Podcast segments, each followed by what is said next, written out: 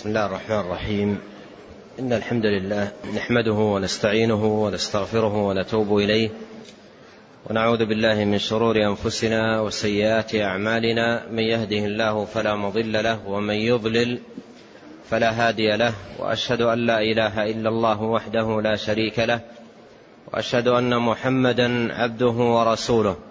صلى الله وسلم عليه وعلى آله وصحبه أجمعين. نعم. بسم الله الرحمن الرحيم. الحمد لله رب العالمين والصلاة والسلام على عبد الله ورسوله نبينا محمد وعلى آله وصحبه أجمعين. قال شيخ الإسلام الإمام محمد بن عبد الوهاب في كتابه أصول الإيمان باب التشديد في طلب العلم للمراء والجدال. عن كعب بن مالك رضي الله عنه قال قال رسول الله صلى الله عليه وسلم من طلب العلم ليجاري به العلماء أو ليماري به السفهاء أو يصرف به وجوه الناس إليه وجوه الناس إليه أدخله الله النار رواه الترمذي. قال رحمه الله تعالى باب التشديد في طلب العلم للمراء والجدال. هذه الترجمة عقدها رحمه الله تعالى ليبين أهمية إصلاح النية في طلب العلم. لأن العلم عبادة يتقرب بها المؤمن إلى الله سبحانه وتعالى. فهو عبادة من العبادات وقربة من القرب. التي يتقرب بها إلى الله عز وجل. والله عز وجل لا يقبل العبادة إلا إذا كانت خالصة لوجهه سبحانه وتعالى. ولهذا جاء في الحديث القدسي أن الله تبارك وتعالى يقول أنا أغنى الشركاء عن الشرك. من عمل عملا أشرك معي فيه غيري تركته وشركه. ولهذا جاء نصوص كثيرة في الكتاب والسنة تحذر من صرف العمل لغير الله تبارك وتعالى. وجاءت نصوص خاصة تحذر من طلب العلم لغير الله. وأن طالب العلم إن طلب العلم لغير الله تبارك وتعالى لم يكن طلبه للعلم في عمله الصالح. لأن العمل لا يكون صالحا إلا إذا ابتغي به وجه الله عز وجل. أما من ابتغى بعمله غير وجه الله عز وجل فلا يكون في عداد أعماله الصالحة. ولهذا فإن من يطلب العلم للرياء أو للزعامة أو للشهرة أو للصيت أو لغير ذلك من الأغراض فإنه بذلك لا يكون في عمله الصالح المتقبل من الله جل وعلا. ونصحا من المصنف رحمه الله تعالى عقد هذه الترجمة للتحذير من فساد النية في طلب العلم وللتأكيد على أهمية إخلاص النية في طلب العلم. قال باب التشديد في طلب العلم للمراء والجدال. التشديد أي ما ورد في نصوص الشرع من الوعيد الشديد لمن طلب العلم ولم يكن غرضه في طلب العلم إلا المراء والجدال حتى يماري به السفهاء ويجادل به ليس غرضه بطلبه للعلم ابتغاء وجه الله سبحانه وتعالى وليس غرضه في طلب العلم أن يرفع الجهل عن نفسه أو يرفع الجهل عن إخوانه المسلمين وإنما غرضه منه الجدال والمراء والمماراه والشهرة ونحو ذلك من الأغراض. فمن كان في طلبه للعلم هذا غرضه وهذا مقصده وهذا مطلوبه فإن طلبه للعلم ليس في عداد عمله الصالح المتقبل لأن الله سبحانه وتعالى لا يتقبل من العمل إلا ما كان خالصا لوجهه الكريم تبارك وتعالى. وأورد في هذه الترجمة جملة من النصوص فيها الدلالة على المقصود بدأها بحديث كعب كعب بن مالك رضي الله عنه قال قال رسول الله صلى الله عليه وسلم من طلب العلم ليجاري به العلماء أو ليماري به السفهاء أو يصرف به وجوه الناس إليه أدخله الله النار. ذكر عليه الصلاة والسلام في هذا الحديث طلب العلم ولكن بنية فاسدة. ذكر طلب العلم ولكن بنية فاسدة. لا بنية خالصة لله تبارك وتعالى. والنية الفاسدة لا تندرج تحت نوع معين بل إنها تشمل انواعا عديدة وامورا كثيرة كلها تدخل في فساد النية. وما ذكره النبي عليه الصلاة والسلام. في هذا الحديث ليس حصريا لفساد النية في طلب العلم وإنما ذكر عليه الصلاة والسلام أمثلة يطلب العلم لأجلها وتكون هي الغرض من طلب العلم وتكون دليلا على فساد نية الإنسان في طلبه للعلم. وأن نيته ليست خالصة لوجه الله تبارك وتعالى. كمن يطلب العلم ليجاري العلماء. يطلب العلم ليجاري العلماء. وهذا طلب شهرة ووصيت وسمعة. وهذا غرضه في طلب العلم أن يجاري العلماء.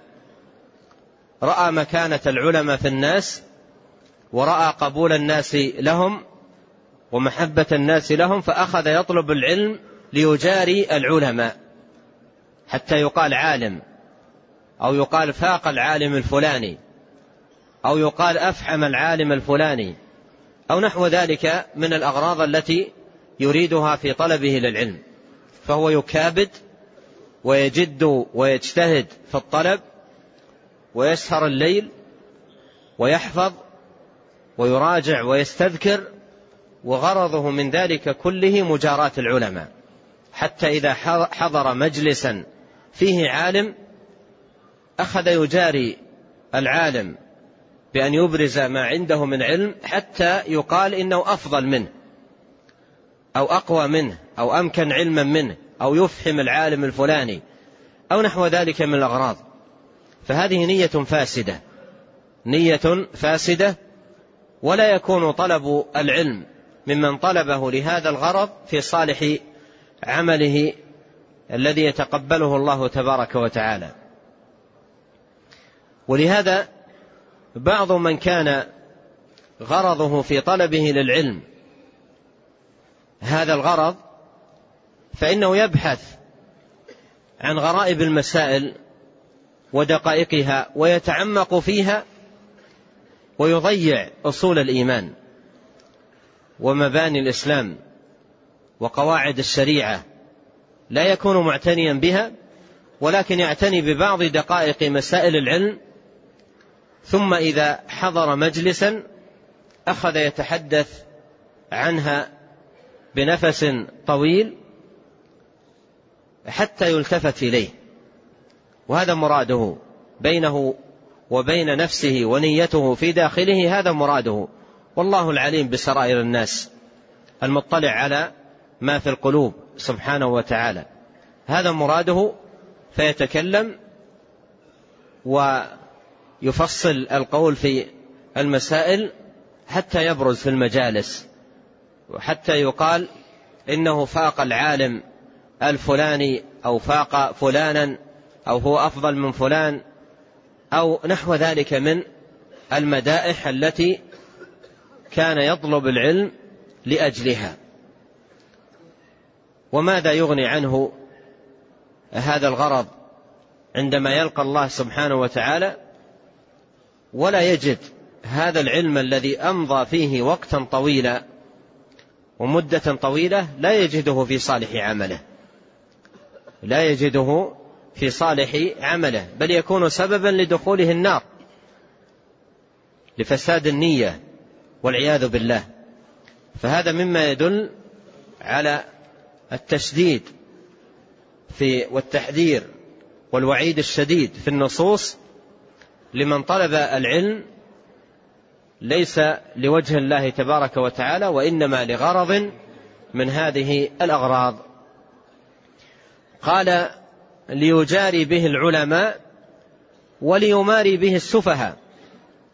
والمماراة هي المجادلة.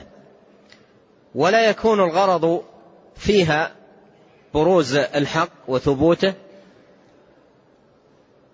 وإبطال الباطل وإنما يكون الغرض فيها بروز الشخص نفسه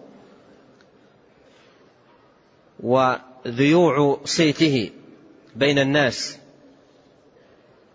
وأن يشتهر بالعلم أن يشتهر بالجدال بالخصومات. قال ليماري به السفهاء. أي يجادل بهذا الشيء الذي حصله من العلم السفهاء ليكون بارزا فيهم ظاهرا عليهم. ليس غرضه في في طلبه للعلم أن يصلح بعلمه الذي من الله سبحانه وتعالى به عليه أحوال السفهاء. ودعوتهم للخير وأخذهم إلى سبيل الاستقامة والهدى وإنما غرضه أن يبرز وأن يشتهر. قال ليماري به أو ليماري به السفهاء أو يصرف به وجوه الناس إليه. يصرف به وجوه الناس إليه أي أن تنصرف وجوه الناس إليه. وهذا طلب للشهره والصيت بين الناس وأن يلتفت إليه ويشار إليه بالأصابع ويقال هذا العالم وهذا كذا من المدائح ونحو ذلك. يكون هذا غرضه يعني يطلب العلم لأجل هذه الأشياء. أما من طلب العلم لوجه الله وأثني عليه خيرا لا لم يكن طالبا لذلك. ولم يكن غرضه في طلب العلم ثناء الناس ومدحهم وأثني عليه خيرا فإن هذا لا يضره. إذا كانت نيته بينه وبين الله تبارك وتعالى صالحة وإنما الكلام هنا في حق من كان غرضه من طلب العلم هذه الأشياء. يطلب العلم ليجاري العلماء أو ليماري السفهاء أو ليصرف بالعلم الذي عنده وجوه الناس إليه فمن كان غرضه في طلبه للعلم هذا الغرض أدخله الله النار يوم القيامة. أدخله الله النار يوم القيامة لأن العلم عبادة وعمل صالح يتقرب به إلى الله سبحانه وتعالى وهذا لم يخلص في في طلبه للعلم. ولم يقصد بطلبه للعلم وجه الله سبحانه وتعالى فكان طلبه للعلم في عمله السيء لفساد نيته ولم يكن في عمله الصالح. نعم. وعن أبي أمامة رضي الله عنه مرفوعا ما ضل قوم بعد هدى كانوا عليه إلا أوتوا الجدل ثم تلا قوله تعالى ما ضربوه لك إلا جدلا بل هم قوم خصمون رواه أحمد والترمذي وابن ماجه. ثم أورد رحمه الله تعالى حديث أبي أمامة الباهلي رضي الله عنه مرفوعا أي إلى النبي صلى الله عليه وسلم أنه قال ما ضل قوم بعد هدى كانوا عليه إلا أوتوا الجدل. ما ضل قوم بعد هدى كانوا عليه إلا أوتوا الجدل. أي ما ضل قوم عن الخير وحسن الإقبال على الله سبحانه وتعالى وتحقيق العبودية له والذل بين يديه والقيام بطاعته سبحانه وتعالى كما يحب من عباده إلا أوتوا الجدل أي إلا ضاعت أوقاتهم هدرا في الجدل والخصومات. وهذا من الدلائل على فساد النيات على فساد النيات في طلب العلم لأن العلم إذا طلب بنية خالصة أثمر العمل. العلم إذا طلب بنية خالصة وابتغي به وجه الله سبحانه وتعالى أثمر العمل وصلحت به القلوب. قد قال الله وقد قال الله تعالى إنما يخشى الله من عباده العلماء. العلم أساس الخشية لله تبارك وتعالى. ولكن لا يتحقق أو لا تتحقق ثمار العلم إلا إذا أخلص به صاحبه لله وابتغى به وجه الله سبحانه وتعالى. وإذا أريد بالعلم أغراضا أخرى لم يثمر عملا صالحا. ولهذا قال ما ضل قوم بعد هدى كادوا علي كانوا عليه إلا أوتوا الجدل يكون طلبهم للعلم للجدل والخصومات. مثل ما مر معنا في الحديث السابق. قال من طلب العلم ليجاري العلماء أو ليماري السفهاء. فيكون طلبهم للعلم واستذكارهم له وبحثهم في مسائله المراد منه, منه الجدل والخصومات. وهذا من الدلائل على فساد النيات في طلب العلم. قال ما ضل قوم بعد هدى كانوا عليه إلا أوتوا الجدل ثم تلا أي رسول الله صلى الله عليه وسلم قول الله تعالى ما ضربوه لك إلا جدلا بل هم قوم خصمون. أي ليس لهم غرض في العمل الذي يدعو إليه العلم وليس لهم غرض في العبودية التي يدعو إليها العلم وإنما غرض غرضهم الخصومة. إنما غرضهم في العلم الخصومة والجدل. فهذه نية فاسدة لأن النية الصالحة تثمر لصاحبها خشية لله تبارك وتعالى وجدا واجتهادا في التقرب إليه سبحانه وتعالى وبعدا عما نهى عنه تبارك وتعالى. نعم. وعن عائشة رضي الله عنها قالت قال رسول الله صلى الله عليه وسلم إن أبغض الرجال إلى الله الألد الخصم. متفق عليه. ثم ساق رحمه الله تعالى حديث أم المؤمنين عائشة رضي الله عنها عن النبي صلى الله عليه وسلم أنه قال إن أبغض الرجال إلى الله الألد الخصم. إن أبغض الرجال إلى الله. وهذا وعيد شديد. وهذا فيه إثبات أن الله سبحانه وتعالى يبغض. وأيضا هناك أدلة كثيرة في القرآن والسنة تدل على أنه سبحانه وتعالى يحب. وإذا عرف المؤمن أن ربه تبارك وتعالى يبغض ويحب فإن هذا يدفعه للبحث عن محاب الله ليفعلها وللبحث عن الأمور التي يبغضها الله سبحانه وتعالى ليجتنبها. ومن الذي يرضى لنفسه أن يبغضه الله جل وعلا أن يبغضه خالقه سبحانه وتعالى. من الذي يرضى لنفسه ذلك؟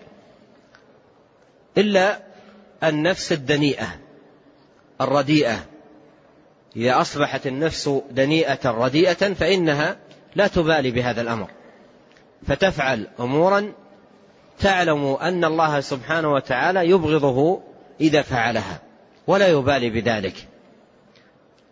والشاهد أن المؤمن إذا عرف أن ربه سبحانه وتعالى يحب ويبغض فإنه يجتهد في معرفة الأمور التي يحبها الله جل وعلا ليفعلها وليكون من أهلها ويجتهد أيضا في معرفة الأمور التي يبغضها الله تبارك وتعالى ليجتنبها وليحذر منها.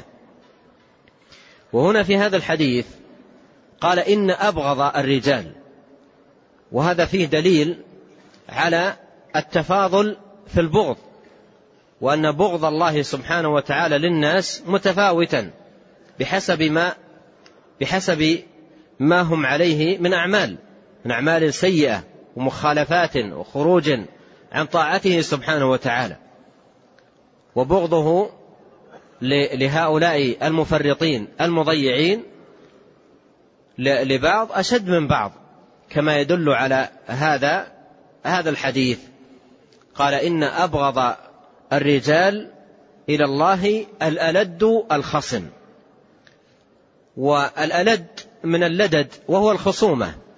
ومنه قوله تبارك وتعالى وتنذر قوما لدا أي أهل خصومة.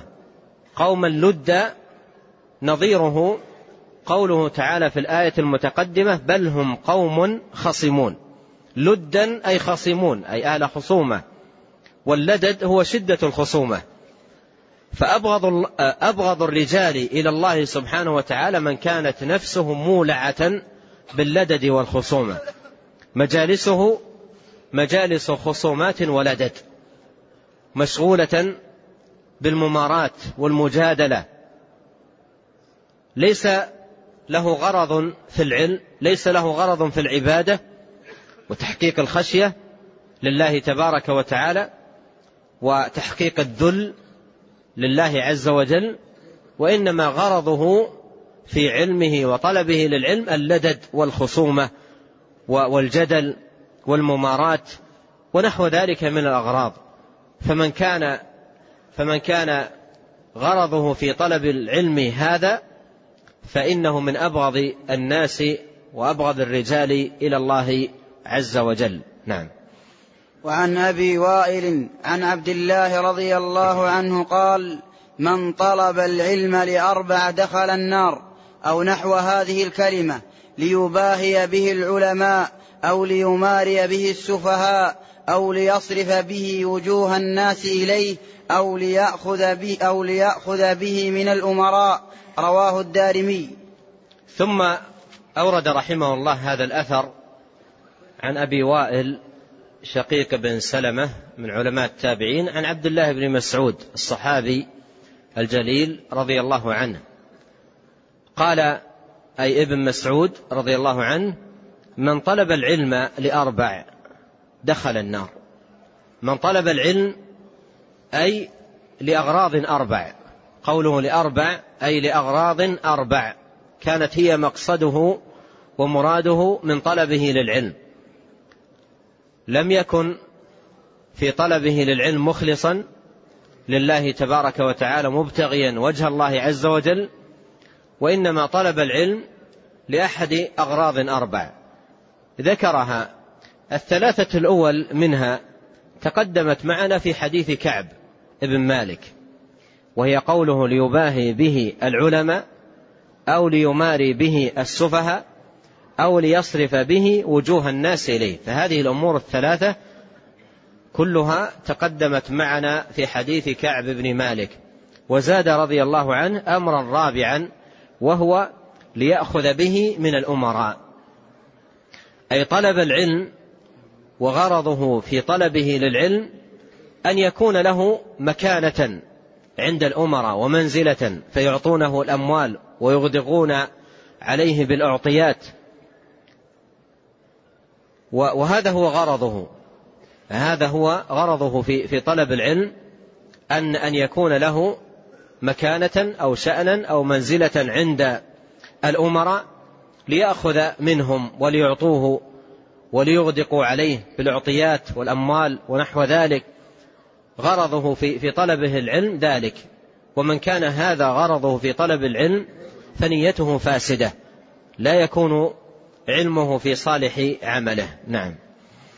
وعن ابن عباس رضي الله عنهما قال لقوم سمعهم يتمارون في الدين أما علمتم أن لله عبادا أسكتتهم خشية الله من غير صمم ولا بكم وإنهم لهم العلماء والفصحاء والطلقاء والنبلاء والعلماء بأيام الله غير أنهم إذا تذكروا عظمة الله طاشت عقولهم وانكسرت قلوبهم وانطلقت ألسنتهم حتى إذا استفاقوا من ذلك تسارعوا إلى الله بالأعمال الزاكية يعدون أنفسهم مع المفرطين وإنهم لأكياس أقوياء ومع الضالين والخطائين وإنهم لأبرار براء ألا إنهم لا يستكثرون له الكثير ولا يرضون له بالقليل ولا يدلون عليه بأعمالهم ولا يدلون.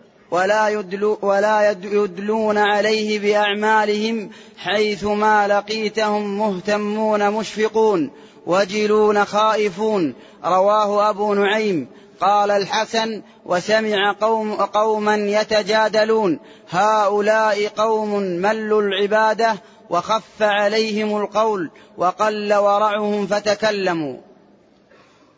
ثم أورد رحمه الله تعالى هذا الأثر عن ابن عباس وسند الأثر فيه مقال لكن الأثر مشتمل على معاني عظيمة وكلام صحيح في باب إخلاص النية والتشديد في طلب العلم للمراء والجدال.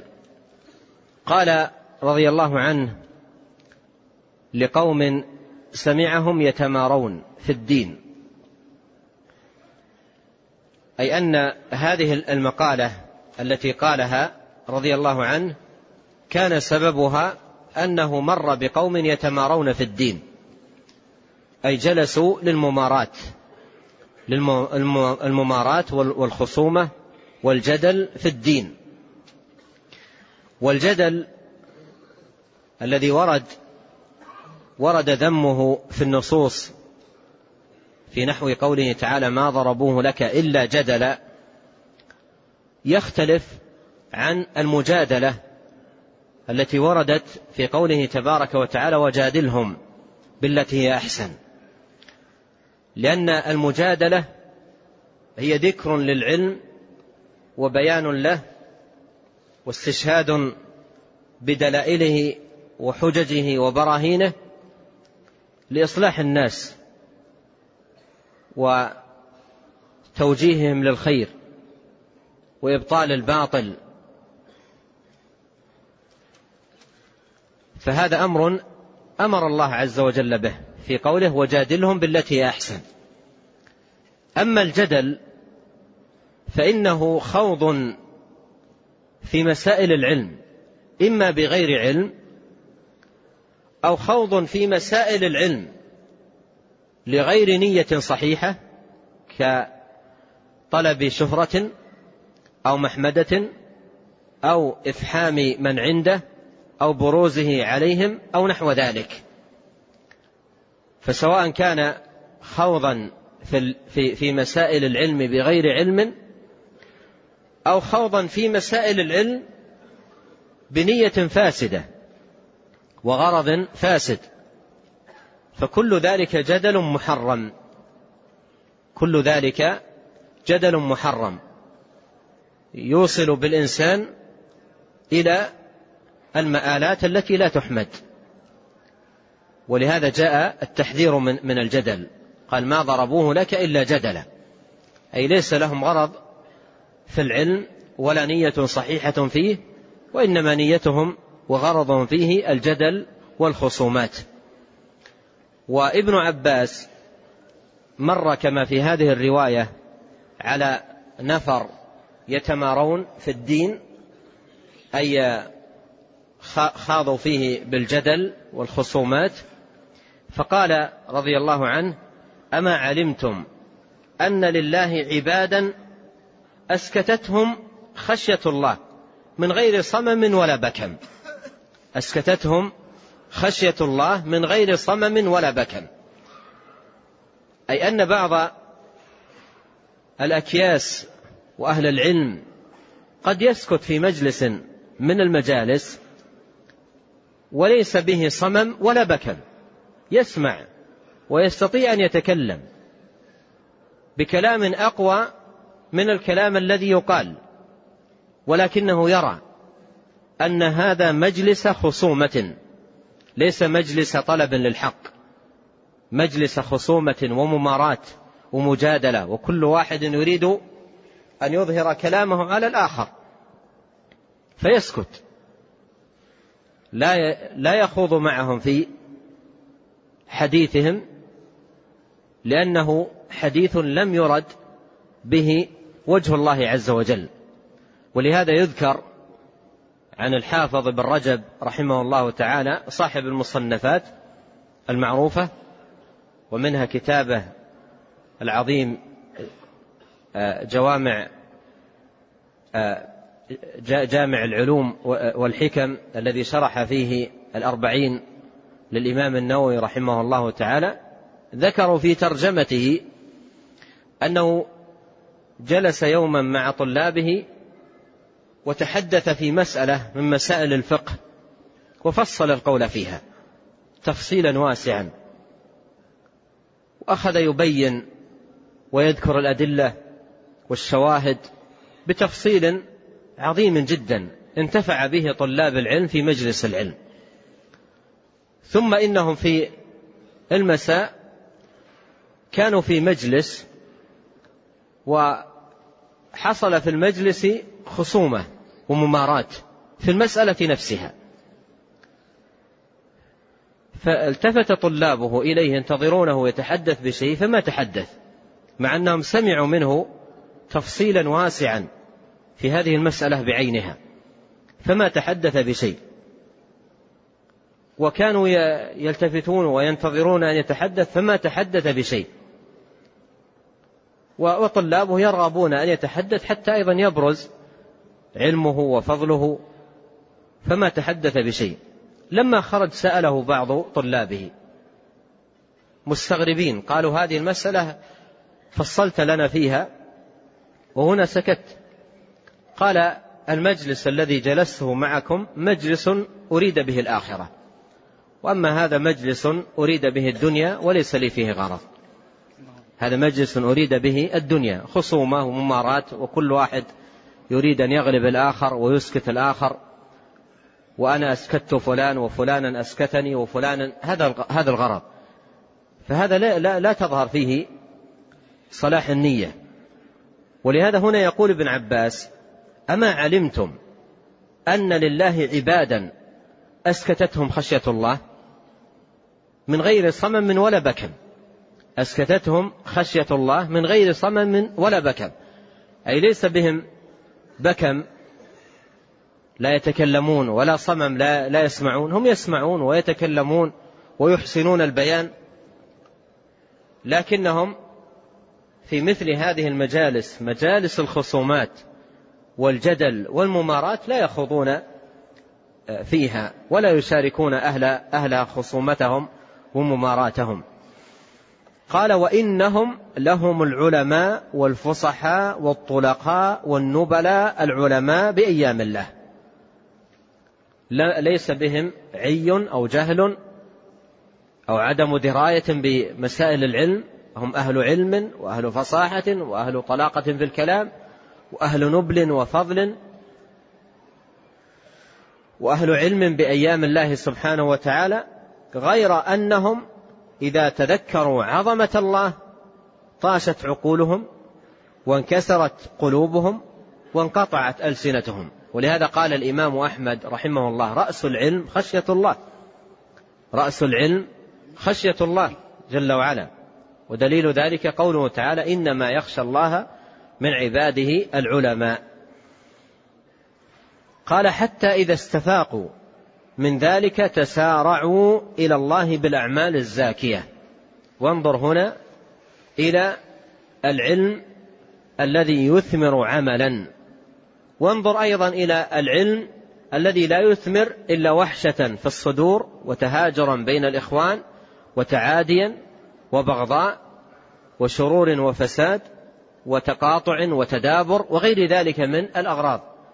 ففرق بين علم يثمر سكينة وطمأنينة وإيمانا وعبادة وإقبالا على الله سبحانه وتعالى وعلم لا يثمر هذه الثمار.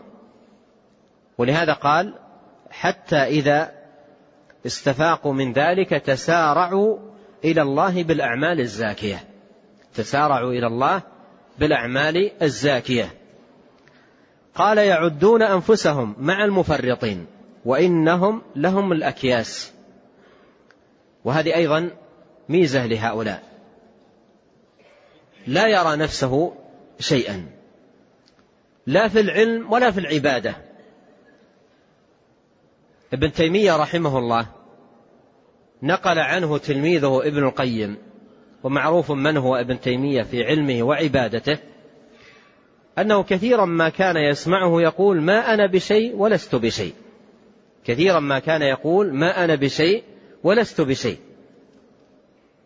فلا يرون أنفسهم شيئا. لا في العلم ولا في العبادة. وهذا قد ذكره الله سبحانه وتعالى عن المؤمنين الكمل من عباده في سورة المؤمنون. قال تعالى والذين يؤتون ما آتوا وقلوبهم وجلة أنهم إلى ربهم راجعون. قد سألت أم المؤمنين عائشة رضي الله عنها النبي صلى الله عليه وسلم عن معنى هذه الآية. قالت يا رسول الله أهو الرجل يزني ويسرق ويقتل ويخاف أن يعذب؟ قال لا يا ابنة الصديق ولكنه الرجل يصلي ويصوم ويتصدق ويخاف أن لا يقبل. هذا معنى قوله يؤتون ما آتوا وقلوبهم وجلة أي يقدمون ما يقدمون. من الأعمال الصالحات والعبادات الزاكيات وقلوبهم وجلة أي خائفة ألا يقبل منهم. ولهذا قال الحسن البصري رحمه الله قال إن المؤمن جمع بين إحسان ومخافة والمنافق جمع بين إساءة وأمن.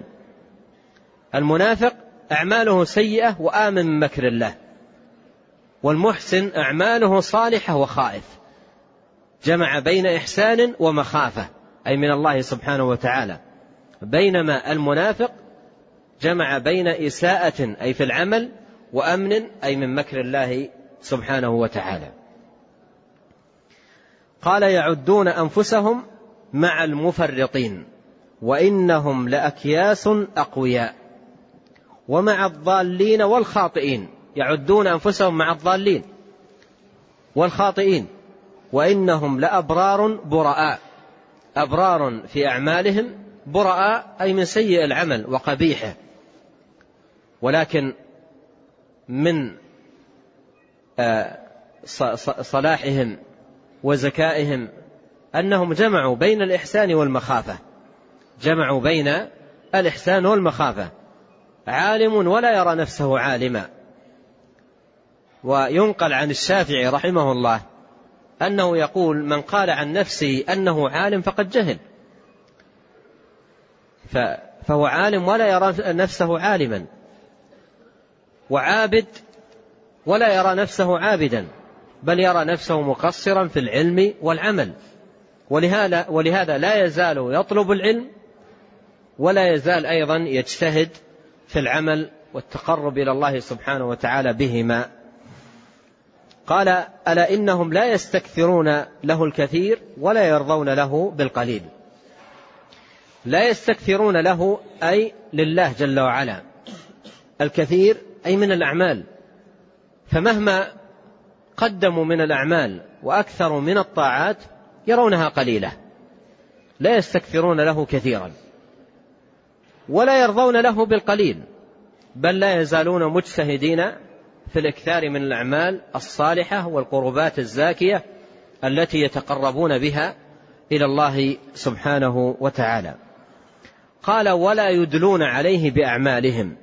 ولا يدلون عليه بأعمالهم أي لا يمنون على الله بالأعمال.